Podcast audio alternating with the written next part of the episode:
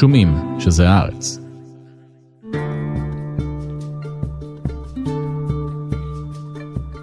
כל מי שצפה במונדיאל שהסתיים זה עתה בקטר, שם לב לכמויות האדירות של אוהדי ארגנטינה שהיו שם פחות או יותר מהרגע הראשון ועד להנפת הגביע. אלא שחלק ניכר מאותם אוהדים לא מתגוררים בכלל בארצם, אלא באירופה, אוסטרליה וארצות הברית.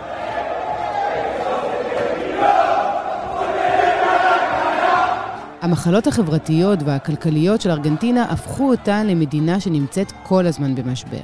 למדינה מפולגת ומסוכסכת. שחיתות שלטונית, אינפלציה בלתי נגמרת והאלימות ברחובות הם עניין שבשגרה במדינת הענק, ולא מעט מאלו שיכולים להרשות לעצמם בוחרים לעזוב את המולדת. זה לא אמור היה להיות ככה. בראשית המאה ה-20 ארגנטינה הייתה בין הכלכלות המשגשגות בעולם, היא עשירה במשאבי טבע, תושביה משכילים, וגם היום, כמו בעבר, מעצמות העולם מחזרות אחריה.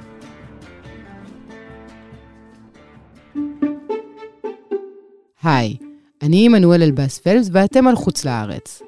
בפרק הזה אנחנו מנסים להבין מה השתבש בארגנטינה, איך זה קשור לריבוי אנשי הרוח במדינה, ולמה למרות תחנוניו של הנשיא, לאו מסי ושחקני הנבחרת לא הסכימו להצטלם איתו. שלום לדוקטור סבסטיאן בן דניאל, מומחה לאמריקה לטינית וארגנטינאי. שלום, שלום, כן, באמת ארגנטינאי. בלב כבד, כאוהדת צרפת, אני מברכת אותך על השחייה במונדיאל. נכון, אני מאוד מצטער בשבילכם, אה, עשינו דקה דומייה, כמו שאת יודעת, ונכון, תודה רבה על, על הברכות. אני רוצה להתחיל בלשאול דווקא על הקהל האדיר של ארגנטינה, ומה שמעניין בזה, זה שרבים מהם הם ארגנטינאים, אבל שלא גרים בארגנטינה. כן, חלק, אה, משהו כמו 30 אלף בערך הגיעו מ... מהתפוצות הארגנטיניות בחו"ל, לפי השגרירות בקטר, וזה נובע מהמון סיבות. קודם כל, כי מאוד יקר, ובארגנטינה להוציא מטבע זר, אם זה דולרים או יורו, זו משימה כמעט בלתי אפשרית. צריך פחות או יותר לוותר על חצי מהסכום, משהו כזה, כי השער, יש בארגנטינה בעצם שני שערי דולר. יש את האמיתי, שזה מה שמחליפים ברחוב, ויש את השער היציג שהממשלה מציגה, שהוא פחות מחצי מהשער הזה. אז אם רוצים באמת להוציא דולרים בצורה חוקית, אז מאוד מאוד מאוד קשה. וזה כי ארגנטינה סובלת עכשיו, שוב, מאינפלציה חמורה. אה, ניתן את המספרים. אה, לפי המספרים האחרונים, אז השער הרשמי של הממשלה זה 152 פסוס לדולר, והשער שאתה מדבר עליו ברחוב זה 283 פסוס לדולר. כן, וזה כל הזמן משתנה, זה משתנה בעצם בסוף היום, כל יום באינפלציה הנוכחית, אז מאוד מאוד קשה על ארגנטינאים. הרבה עשו את זה, כן? הם, אה, השיר אולי הכי מפורסם שלנו זה שאנחנו, אין לנו כסף, אבל אנחנו צריכים לנסוע, לתמוך בנבחרת. אז כן עשו את זה, אבל הרוב באו מהקהילות שבאמת, התפוצות הארגנטיניות, שהן כן יכולות לקנות ביורו ובדולר מספרד, מסידני, מגרמניה. ראינו את זה בעצם מכל מקום בארצות הברית פחות או יותר, כמו שראינו אחר כך בחגיגות, אז יש המון...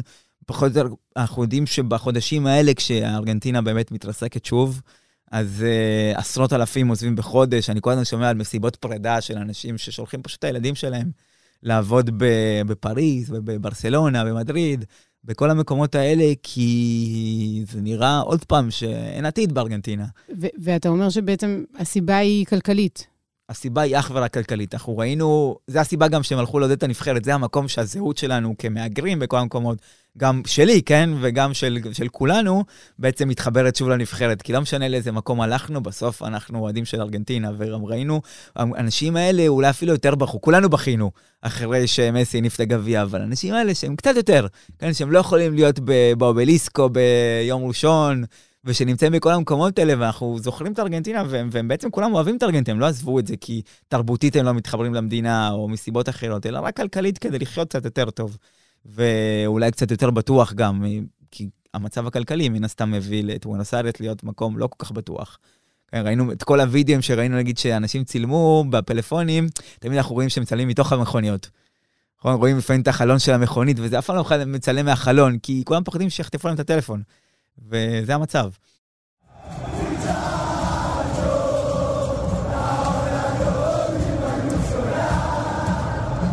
עוד משהו שבלט מאוד בחגיגות הענקיות שהיו בארגנטינה, זה שהשחקנים של הנבחרת לא הגיעו להצטלם עם הנשיא. זה היה מתוכנן מראש. פרננדס אה, התחנן לתמונה עם לאו מסי, שלחו אנשים לשדה תעופה לקבל אותם בשתיים בלילה, ככה להידחף לתמונות מהטלוויזיה, כלום לא עבד להם. מסי אמר, שוב, זה מאחורי הקלעים, כן, אבל מסי אמר, על גופתי המתה, הם לא מקבלים תמונה אחת. מהרבה מאוד סיבות, אבל בסוף השחקנים לא רצו להיכנס לפוליטיקה, כי ארגנטינה בעצם מחולקת לשתיים. בצורה, אולי קצת רואים את זה היום בישראל, אבל בצורה הרבה יותר עמוקה, קוראים לזה לאגריאטה. כן, הפער הזה בין אלה שתומכים בממשלה עכשיו, שחושבים שהאופוזיציה היא לא לגיטימית, זה לא כוח שאנחנו, לא, הם, הם לא יריבים, הם אויבים. ואותו דבר האופוזיציה שאומרת הממשלה היא מושחתת, כן, כמו שקירשטיין, אנחנו יודעים שקיבלה עכשיו את ה...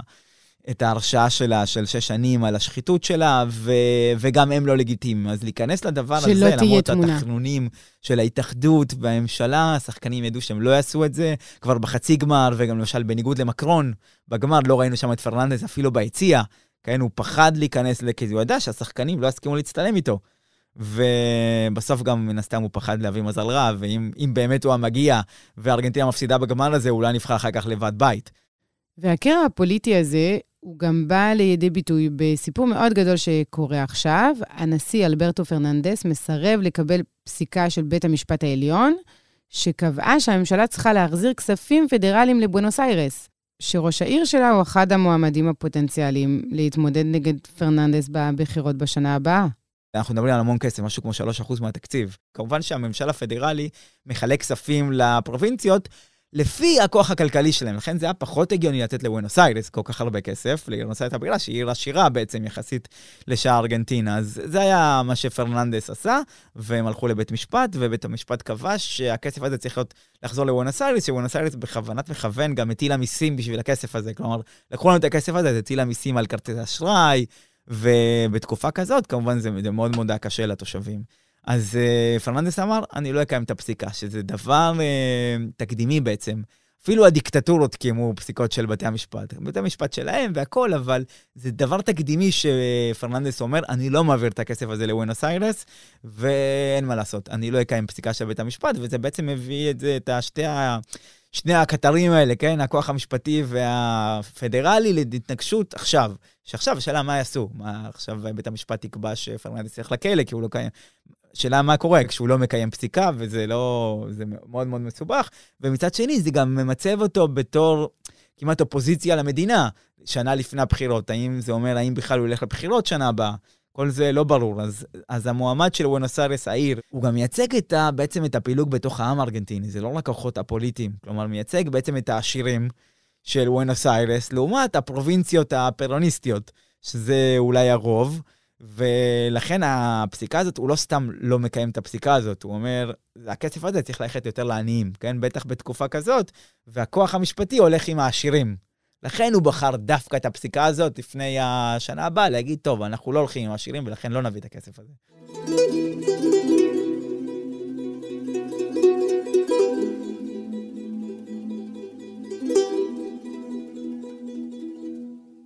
חואן דומינגו פרון, המנהיג המיתולוגי של ארגנטינה, נולד במחוז בואנוס איירס ב-1895. הוא התחנך באקדמיה צבאית והתקדם בשורות הצבא. ב-1943 היה חלק מקבוצה שיזמה הפיכה צבאית במדינה. בהמשך הפך פרון לשר העבודה. הוא קידם זכויות עובדים, הנהיג חופשות לכולם, צמצם את שעות העבודה והקים איגודי עובדים בחסות המדינה. צעדים אלו הפכו את פרון לפופולרי מאוד במעמד הפועלים. ב-1944 פגש פרון את השחקנית אווה דוארטה. השניים ניסו בהמשך, ואווה הפכה לדמות פופולרית בארגנטינה.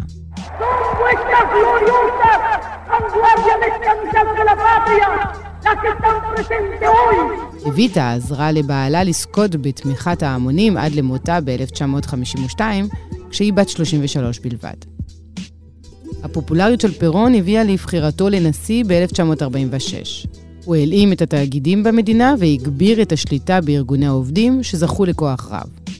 הוא דיכא כל אופוזיציה והטיל הגבלות על חופש הביטוי. במקביל הוא הרחיב מאוד את השירותים הסוציאליים במדינה. ב-1951 נבחר פרון שוב, אך לאחר מותה של אווה הפופולריות שלו ירדה, וב-1955 הורד מהשלטון בהפיכה צבאית והוגלה מהמדינה. ב-1973, אחרי 17 שנים בגלות, ובעקבות חוסר יציבות פוליטי במדינה, הוא הוזמן לחזור לארגנטינה ולהקים ממשלה. כמה חודשים לאחר מכן, מת פירון מהתקף לב. הפילוסופיה הכלכלית-מדינית של פירון הייתה שילוב מוזר של אלמנטים קומוניסטיים, קפיטליסטיים ולאומניים, והשם שניתן לאותה פילוסופיה הוא פירוניזם. Una frase que dijo el general Perón cuando regresó el 20 de junio del año 1973 definitivamente a la patria. הפירוניזם בהגדרתו הרופפת נשאר פופולרי עד היום בארגנטינה, והוא מזוהה עם השכבות החלשות במדינה ועם הנשיא המנוח נסטור קירשנר ורעייתו, קריסטינה קירשנר, שהייתה גם היא נשיאה, ומכהנת כיום כסגנית הנשיא. בראשית דצמבר הרשיע בית משפט את קריסטינה קירשנר, וההרשעה הגבירה את המתח בין המחנות הפוליטיים. בעצם הכוחות שבאמת פועלים עכשיו בארגנטינה זה הנשיא הקודם מקרי, שמייצג את המרכז ימין, ואת לרטה, ראש העיר של וונוס איירס, שהוא כנראה המועמד המוביל של, ה, של האיחוד מפלגות של uh, מקרי, ומצד שני יש לנו את הנשיא המכהן, אלברטו פרננדס, ואת קריסינה קירשנר, שהיא הסגנית נשיא, הנשיא, הנשיאה לשעבר, אשתו של הנשיא הקודם, והיא בעצם מייצגת פרוח פוליטי שהוא בערך רבע מארגנטינה, משהו כזה, והיא המשך של הפרוניזם מהימים של חואן דומינגו פרון מהשנות ה-50, שזה בעצם הכוח הגדול בארגנטינה מבחינת מספר המצביעים. אז הטענה שלהם היא שבתי המשפט שמייצגים את העשירים, את האליטות, רודפים אותם לא בגלל שהיא מושחתת, כן? וכמו שהם מעבירים כסף לוונוס איירס, לא בגלל שלוונוס איירס חסר, או בגלל שהחוק הארגנטיני קובע שוונוס איירס צריכה לקבל 3% מהתקציב, אלא בגלל שהם מייצגים את העשירים, ואותה למשל, הפסיקה שהייתה בשישי בדצמבר נגד קרסינה קירשנר, ששלחה אותה לש, לשש שנים בכלא, זה לא היה הסעיף החשוב, כמו שהסבירה אחר כך ביוטיוב, היא אמרה, זה לא הסעיף שהם רצו. הסעיף השני בהרשעה שלה הוא שקרסינה קירשנר לא תוכל יותר להתמודד לשום תפקיד ציבורי בארגנטינה אי פעם. אז לגבי הכלא אין לה בעיה, כי מעל גיל 70 פוליטיקאים לא הולכים לכלא בארגנטינה, יש כל מיני... אה, וגם כי היא הגישה ערעור, וזה נכון. ייקח עוד שנים, וכל עוד היא, אה, היא ממשיכה בהליך הזה, אז היא לא תלך לכלא. נכון, עד שהרשעה בארגנטינה היא לא סגורה, אחרי שמונה שנים פחות או יותר לוקח, ואין גם הגבלת זמן. sean malos. Desde un lado, empezaron a hablar el renunciamiento de Cristina. אוקיי, אז הטענה של הממשלה המכהנת זה שבעצם בית המשפט אה, הוא פוליטי והוא עובד לשירות האופוזיציה, וקירשנר טוענת, כמובן, שכל המשפט נגדה הוא פוליטי, אבל אולי צריך להזכיר את העובדות. מדובר פה על הרשעה בגין אה, אה, מרמה, נכון? מרמה, שחיתות, ובעצם אה, הם, התערבות בכספים של 51 הם, אה, פרויקטים אה, ציבוריים, שאיכשהו הכסף הגיע אליה ולבעלה, שנפטר ב-2010. נכון, אז, אז לא רק, המשפט הזה ספציפית זה על מה שהם עשו כשהיו מושלים בפרובינציה שלהם בארגנטינה, אבל uh, יש עוד תשע כתבי אישום נגדה על דברים דומים. כלומר, שוב, בואו בוא נדבר תכלס, בארגנטינה אין דבר כזה עבודה ציבורית בלי שחיתות. זה לא קורה. פחות, לפי מה שאנחנו יודעים, פחות או יותר מרבע מהכספים שמושקעים בעבודות ציבוריות הולכות לאנשים שדואגים שהעבודה הציבורית הזאת תקרה. כן, למי שבונה את זה. ספציפית במשפט הזה, הם ראו ש-80% מהכספים הלכו לחבר שלהם. ו- ו- ודרכו אליהם, וראינו... והסכום מחבר... הוא מיליארד דולר בערך, לא? כן, זה הסכום הזה, אבל אנחנו מדברים בסך הכל על, על עשרות מיליארדים של דולרים. ההון שלה מוערך בעשרות מיליונים, מה שהיא קיבלה מזה. עכשיו, עוד טענה שחייבים להזכיר אותה, יש, יש שופטים מיוחדים בארגנטינה, שיושבים ברחוב קומוד אירופי, שעוסקים בשחיתות. עכשיו, פרצו לטלפון שלהם, ולקבוצת טלגרם שהם הכינו, וראו שהם כן מדברים פוליטית, והם כן מטייחים דברים, והם מחוברים לאנשים של העיתון קלרין, שזה העיתון ימין הגדול של ארגנטינה, ולשופטים ולטובים, כלומר, כן, יש, יש כבר, פה כולם מושחתים. זה גם השופטים וגם הפוליטיקאים, לכן כל פעם שמישהו מאשים את השני בשחיתות, הוא צודק. כן, זה לא המצאות. זאת אומרת שיש בסיס עובדתי לשחיתות של קירשנר, אבל יש גם בסיס עובדתי להטיה הפוליטית של השופטים ואולי לרדיפה הפוליטית. המשטרים האלה מושחתים מהיסוד, כן? זה לא שהבן אדם מושחת או לא, זה בכלל לא, לא שייך, ככה עושים את הדברים. אז תמיד היה אפשר להפיל אותה, ולכן היא אומרת, אם בחרו לרדוף אותי על מה שכולם עושים, אז יש פה משהו, איזה טעם לפגם, זה לא שאני מושחתת, הם רצו להוריד אותי.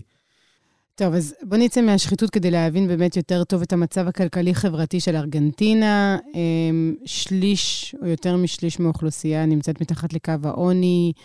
האינפלציה עברה את ה-80 אחוזים, ויש מי שחושש שהיא עוד מעט מגיעה ל-100 אחוזים. אמ, זה לא רק כמובן הפנדמיה של הקורונה והמלחמה ברוסיה-אוקראינה בניגוד לכל העולם, זה תהליך שהתחיל הרבה קודם. כן, אז שוב, זה, זה לא לעזוב את השחיתות, כי השחיתות יש לה חלק גדול בזה. בעובדה שארגנטינה נכנסת ממשבר למשבר, כן? זה בטח לא, לא הפנדמיה, שדווקא לא הזיקה כל כך לארגנטינה. אבל uh, אם אנחנו מדברים על המשבר בארגנטינה, זה לדבר על, בעצם זה סדרה פרקטלית כזאת של משברים שכל פעם חוזרים על עצמם, מבעצם שאנחנו, מאז שאנחנו זוכרים את ארגנטינה, בעצם כשאנחנו, שוב, אני לא כלכלן, אבל כשאני שומע כלכלנים מדברים על ארגנטינה, הם אומרים יש כלכלות מתפתחות, יש כלכלות מפותחות ויש את ארגנטינה. זה פחות או יותר החלוקה בעולם לגבי איך מנתחים. ו... והסיבה לזה זה שאין עוד דוגמה בעולם לכלכלה מפותחת שהפכה ללא מפותחת. כלומר, זה המקום היחיד לכלכלה שפחות או יותר בתחילת המאה ה-20, כשבעצם הסאבים שלי היגרו, כן, ב... שברחו מהשואה ומסוריה ומכל המקומות האלה, וגם יהודים, ארגנטינה קלטה אז הכי הרבה מהגרים בעולם. אחרי ארה"ב זו המדינה שהכי הרבה מהגרים הגיעו אליה במאה ה-20. והיא הייתה גן עדן בעצם בתחילת המאה ה-20, הייתה כלכלה מפותחת שמאוד הסתמכה על סחורות, כן, על, ה, על ה, בעצם החקלאות המדהימה של ארגנטינה, בארגנטינה זורקים גרעינים ופשוט גדלים שדות. זה, זה באמת מה שקורה, כן, ושדות עכשיו סויה, והכל, הכל גדל בארגנטינה, והיא מאוד מאוד עשירה. למשל, היום הבום שאנחנו מקווים שיהיה בארגנטינה זה של ליתיום. של, אה, שזה הולך להיות בעצם המתכת הכי חשובה בעולם, בגלל התפקיד שלה ב... בבטריות, וארגנטינה מאוד מאוד עשירה, ואז שואלים, מה קרה? כלכלה מפותחת, מתועסת, בתחילת המאה ה-20, פשוט ביום אחד התחילה הירידה הזאת, אז ראינו המון כלכלות שמתחילות להאט, אבל ארגנטינה התהפכה. ו... וקרו מאז כל מיני דברים, זו סדרה של... א', היא הייתה מאוד תלויה במה שקרה בעולם, אז כשהתחילה המלחמה הראשונה, אז פחות קנו ממנה, וזה די גרם... כי הרבה מהכלכלה שלה בעצם מסתמך על הייצוא. על סחורות, נכון? כמו כל אמריקה הלטינית, שאנחנו מכירים את זה, שהעולם בעצם, גם, גם העולם רצה, כאן שארגנטינה לא תהיה מקום מאוד מוצלח, ומה שקרה תמיד זה שחומרי הגלם, הגלם נקנו בזול, וארגנטינה קלטה בחזרה את הדברים שיוצרו מחומרי הגלם האלה ב- ביוקר. עכשיו, מה שארגנטינה לא עשתה מאז, זה בעצם לדאוג לתעשייה סביב הדבר הזה. כן, אם שוב נתן דוגמה מהשנים האחרונות, אז החציבה של uh, ליתיום למשל, מה שארגנטינה לא עושה, זה היא נותנת לזרים לחצוב במקומות האלה, שוב, משחיתות והמון, והמון סיבות כאלה, אבל היא לא מפחדת תעשייה, היא לא למשל מייצרת בטריות כאלה, היא חוצבת uh, ליתיום קרבונט, אבל לא מייצרת בטריות למכוניות uh, חשמליות. אז זה בעצם מה שקרה תמיד. El teniente general Jorge Rafael Videla, en su carácter de comandante general del ejército, רביסטה לסטרופס. וחלק מההסתבכות הארגנטינית קשורה לאורך השנים גם בחובות שלה, וזה קשור לא מעט לחונטה הצבאית המפורסמת. ארגנטינה בשנת מ-76 עד 82 מכל מיני סיבות. א', מזה שהמשטרים האלה קנו המון נשק, ופתחו את ה... הפריטו כמעט את כל, ה... את כל החברות הציבוריות הארגנטיניות, הם לקחו המון המון חובות בחוץ. שנתנו להם, הקרן המטבע וכל המקומות האלה, נתנו להם מאז ביד, ביד נדיבה, והחוב החיצוני בארגנטינה קפץ אז לפחות פי שלוש, ואנחנו עדיין בעצם משלמים על זה. כרגע ארגנטינה חייבת 45 מיליארד דולר לקרן המטבע הבינלאומי. החוב הארגנטיני הוא כמעט 100% מה, מהתקציב שלה מאז, וכל פעם בעצם מנסים, וזה מה שקורה עכשיו, החלק חשוב מהאינפלציה היום, שמגיעה באמת ל-100%, כן, ו- וזו נקודה שצריך להסביר. לחיות במדינה שהאינפלציה שלה היא 100%, זה דבר כמעט בלתי אפשרי. בתקופות הקשות של ארגנטינה, בסביבות שנות האלפיים, המחירים השתנו חמש פעמים ביום בחנות. אם אנשים היו הולכים, בדיוק היו מחשבים מתי משנים את המחירים, כדי להגיע דקה לפני זה ולקנות. והם השתנו כל יום בערך משהו בין שלוש לחמש פעמים, כשהיה 3,000 אחוז. היום האינפלציה היא 100 אחוז, זה אומר שבעצם בסוף השנה אנשים... בעצם יכלו לקנות חצי ממה שקנו בתחילת השנה הזאת, והמשכורות, אפשר להגיד שזה גם מנפח את האינפלציה, הם בארגנטינה אנחנו אומרים שהן עולות במדרגות כשהאינפלציה עולה במעלית. המשכורות אף פעם לא מצליחות להשוות את העלייה באינפלציה, ולכן אנשים, א', הם הולכים למסעדות, נכון, מבזבזים עדיין המון כסף, כי א', אי אפשר לקנות דולרים, אי אפשר לקנות דברים בחוץ. וכי כרגע יש עוד אולי סוג של ערך לכסף שלהם שמחר לא יהיה בכלל, אז עדיף לבזבז. אז עדיף לבזבז, לפחות נוכל לחיות, ואנשים הולכים למסעדות, אבל עם מזוודות, כי השטרות לא מצליחות להדביק את הפער באינפלציה. אינפלציה. לכן באמת הולכים מזוודה כזאת של אה, ארוחה ב-100 דולר, היום השטר הכי גדול זה 1,000 פסו, זה בערך 3 דולר אמיתי. כן, 6 דולר לפי זה, 3 דולר אמיתי, אז אנחנו באים לארוחה של 200, אנחנו צריכים לשים שם 200 שטרות. כן, זה פחות או יותר החישוב שלנו לארוחה כזאת יקרה. אז באים מזוודות כזה, באים, שמים כזה שקית של כסף על השולחן, ואין מה לעשות. זה, זה מה שגורם בעצם לאחד הגורמים הכי חשובים להגירה, שאנחנו... מאוד קשה לחיות במדינה כזאת, שהאינפלציה גם מבריחה את כל ההשקעות, ואנשים לא רוצים להשקיע כי הם לא מאמינים יותר במדינה. הזכרנו קצת את משבר החוב של ארגנטינה, ולכוחות הזרים שפועלים בה יש והייתה השפעה אדירה על המדינה. כן. אז אה, שוב, כשאנחנו מנתחים את המשברים, למשל, הגדולים, אנחנו יודעים שחצי מהתעשייה בארגנטינה הייתה שייכת לבריטים עד 1960. כן? ו... והיום המעצמות... שוב, בגלל ליתיום ב... גם בצפון, בסלטה וקטמרקה, שזה, שהוא הולך להיות משאב מאוד מאוד חשוב בעולם ב-40 שנה הקרובות, כן, זה קפץ, אני חושב, פי חמש המחיר. ובדרום של ארגנטינה, הרוחות שיש שם, כל העניין של האנרגיה המתחדשת, היא תתחיל מאמריקה הלטינית. כל הדברים האלה, הביודיזל מסויה, כל הדברים שהעולם הולך אליהם, גדלים בארגנטינה. ו... ולכן הסינים, למשל, בניגוד לאמריקאים, שפוחדים מהיציבות בארגנטינה, ובעצם מהשנאה גם לאמריקאים בגלל כל מה שקרה, כן, אנחנו יודעים שהם היו חלק מהאשמה בחונטה הייתה עליהם, והם אלו שקידמו את ה, בעצם את הרצח הזה של 30 אלף ארגנטינאים, אז עדיין יש שנאה מאוד מאוד גדולה לדוברי אנגלית. כן, המשחק ב-86, הוא בעצם מה שראינו שם, זה הייתה מלחמה בלי כדורים בארגנטינה-אנגליה. ו... והכוחות החיצוניים האלה בארה"ב, הם מאוד פחדו להיכנס לארגנטינה, אבל הסינים נכנסו הרבה בדרום. ארגנטינה בעצם נתנה להם אדמה שהם בנו על הבסיסים, והם, והם אלו שהיום בצ... בצפון ארגנטינה מסתובבים, רואים הכל בסינית. כן, גם העובדים שמפתחים, גם המפעלים שקמים שם, אז ארגנטינה לא מתחתנת עם אף אחד, בטח לא אלברטו פרננדס. כן, וגם השלטון הבא, לא, לא עם האמריקאים ולא עם ארצות הברית, אבל ארגנטינה כן רואה היום בהשקעות האלה, החיצוניות, הכסף הסיני והאמריקאי, כן כדרך ל...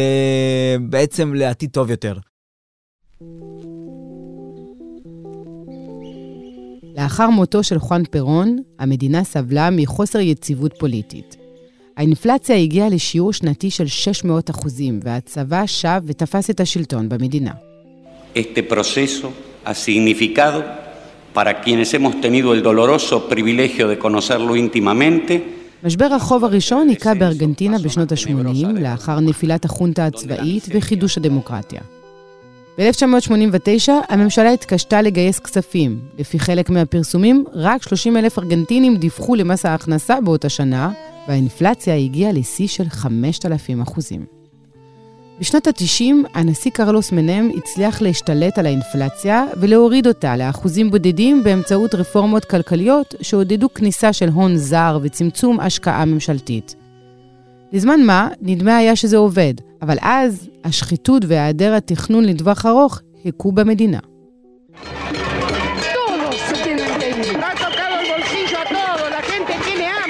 ב-2001 המשבר הכלכלי הגיע לשיא נוסף. חמישית מהכלכלה הארגנטינית נמחקה, והאבטלה הגיעה לשיעור של 20%. באותה שנה התמוטטו בנקים במדינה, וארגנטינה חדלה לשלם את חובותיה שעמדו על 100 מיליארד דולר. כלכלת המדינה לא הצליחה להשתקם, ומאז 2018 נמצאת שוב במשבר חריף.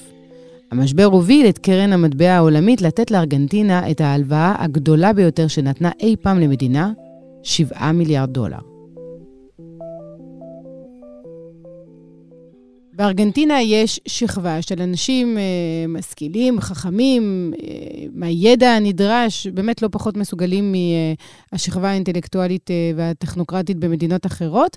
אז למה בכל זאת אה, לא מצליחים? לא מצליחים לשבור את הפאטרן הזה של משבר אחר משבר? תמיד המהגרים הארגנטינים מתגאים בזה שיש בשכונה יואנס איירס יותר סופרים מכל ספרד, כל שהם הולכים ל... אה, לדבר על זה שמאשים אותנו שאנחנו כושלים, אבל אה, זה נכון שארגנטינה, בעצם איך שהיא רואה את עצמה, בעצם היא רואה את עצמה כמדינה אירופית. בתוך אמריקה הלטינית. כן, יש הרבה פחות אה, ילידים בארגנטינה מאשר בשאר אמריקה הלטינית. ו... ו... וזה תהליך שהתחיל, אם אנחנו רואים, כשהתחילו באמת רוב המהגרים, ש... בעצם בנו את הזהות הארגנטינית הזאת, הם בעצם ראו את עצמם כאירופים, כצאצאים של איטלקים ושל ספרדים. אז זה לא עניין של מנטליות, כי המדינות האלה התקדמו הרבה יותר בארגנטינה, כן? אחת הטענות היותר... אה, פופולריות שאומרים נגד ארגנטינה, שזה בעצם הנרקסיזם הארגנטיני והמנטליות הזאת שבאה מדרום ספרד, כי רוב המהגרים שהגיעו לארגנטינה באו מדרום דרום ספרד ודרום אה, איטליה, שנחשבים, האירופים בעצם מתגזנים עליהם כל הזמן. אז כאילו אומרים, טוב, זה המנטליות, כן? כמובן שזה לא, לא הסיבה, אבל כן, כשארגנטינה הייתה מדינה שהייתה. שוב, ברמה של המעצמות העולמיות, משהו כמו מקום 10 בתחילת המאה ה-20, היא אף פעם לא הצליחה לראות את עצמה כמדינה שהיא כבר לא כזאת. כלומר, תמיד, כבר אז, הממשלים הפופוליסטיים לקחו הלוואות, והלוואות שעד היום אנחנו מנסים אה, להחזיר ולא יכולים, וכדי בעצם לתת לארגנטינים את הרמת חיים הזאת שהם חושבים שהיא מגיעה להם, כן? כי הם באמת כל כך משכילים. וכל כך אה, אירופים, והם יכולים להיות ברמה של המעצמות האירופיות המערביות.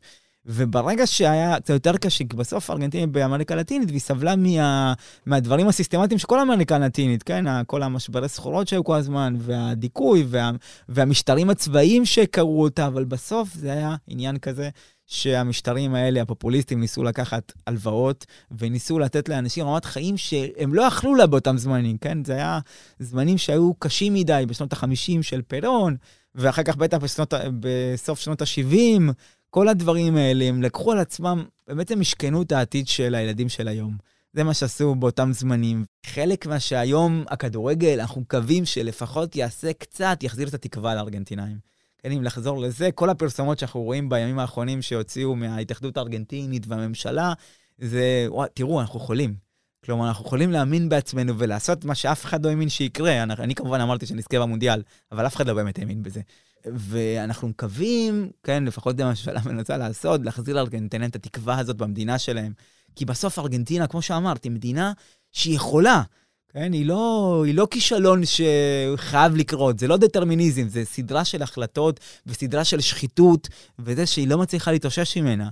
בדיוק, אבל צריך תוכנית פוליטית. הרי יש אה, אה, מחקרים שמנסים לבדוק מה קורה אחרי זכייה במונדיאל ואחרי אירוח של מונדיאל למדינה, או שזכתה או שאירחה. אז אחד המחקרים מראה שיכולה להיות אה, אה, גדילה בייצוא אה, מאותה מדינה, בגלל שהיא הולכת, היא הופכת להיות יותר אה, אה, בראייה הבינלאומית, ומתעניינים בה, מסתכלים עליה, אבל כמובן זה צריך לבוא עם יוזמה ממשלתית.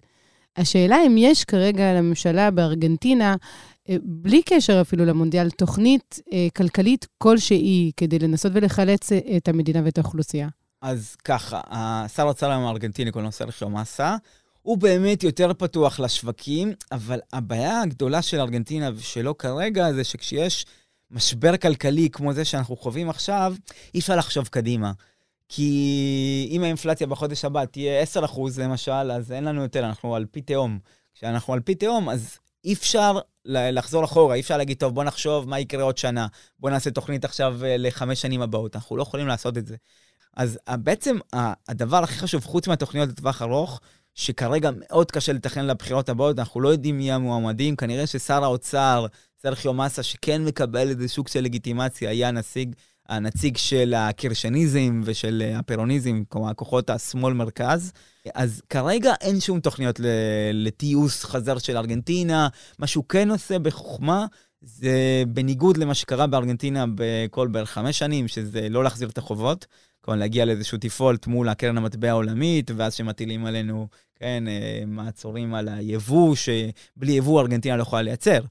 אז, אה, הם, אה, אז כן, ארגנטינה בצורה די מאוד מפתיעה לכולם, בחודשים האחרונים עומדת בתשלומים, שמאוד מאוד מאוד גבוהים. אז איך היא מחזירה את התשלומים בזמן? על ידי בעצם האחרונים? פשוט להוריד את ההוצאות הממשלתיות. כלומר, היא לוקחת מיסים מהאנשים, והיא מורידה את ההגנות החברתיות על אנשים, ששוב, בתקופות כאלה זה מאוד מאוד מאוד מסוכן, כי 40% מהארגנטינים היום מתחת לקו העוני, שזה אולי קו יחסי, אבל משהו כמו חצי מזה, זה אנשים שלא יכולים לאכול.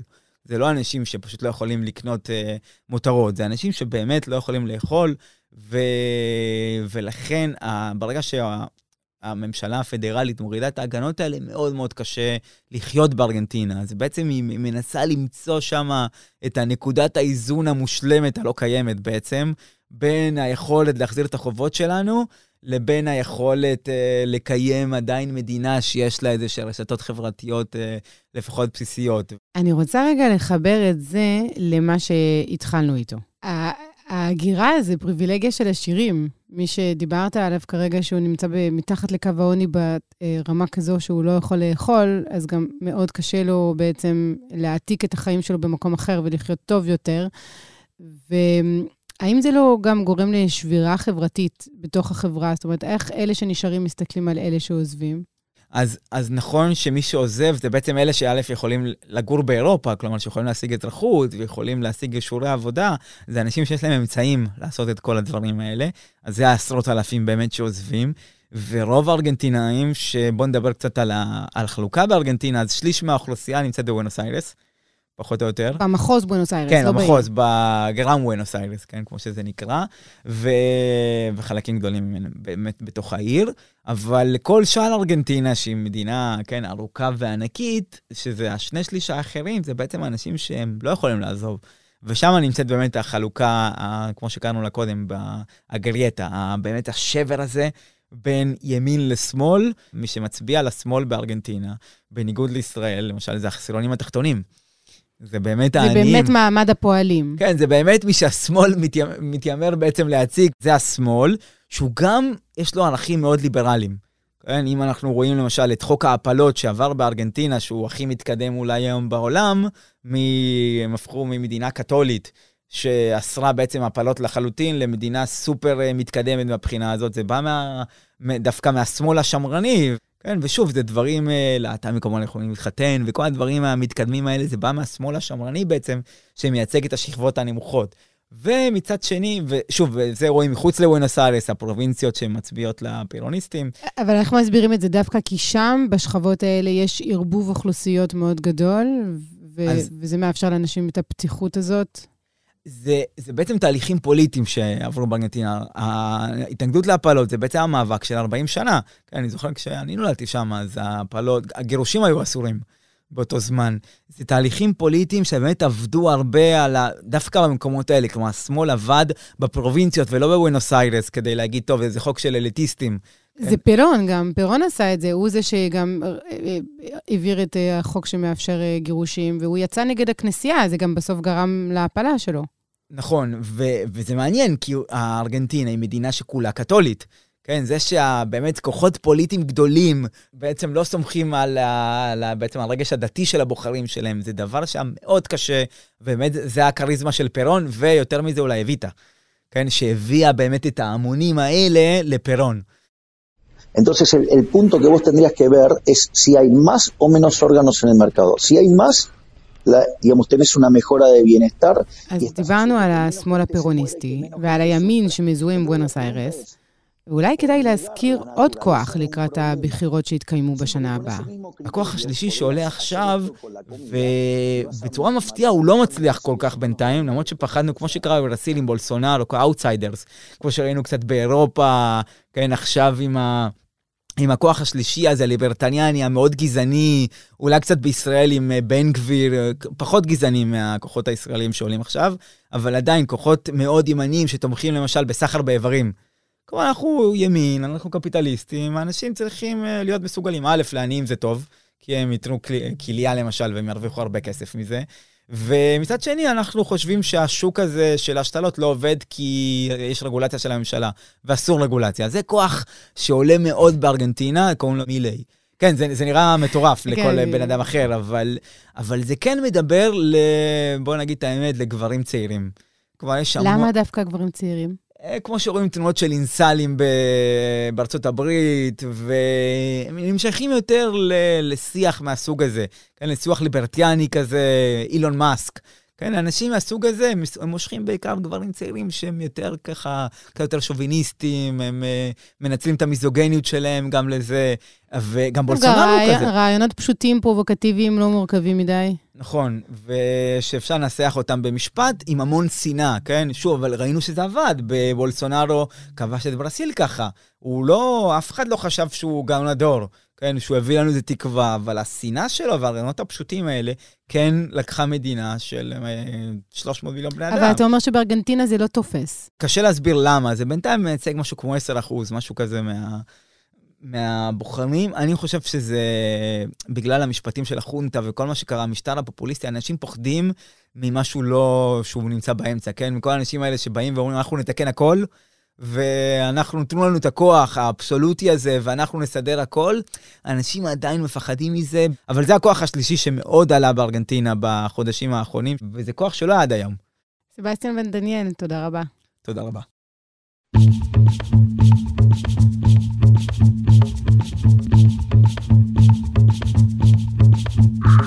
עד כאן, הפרק הזה של חוץ לארץ.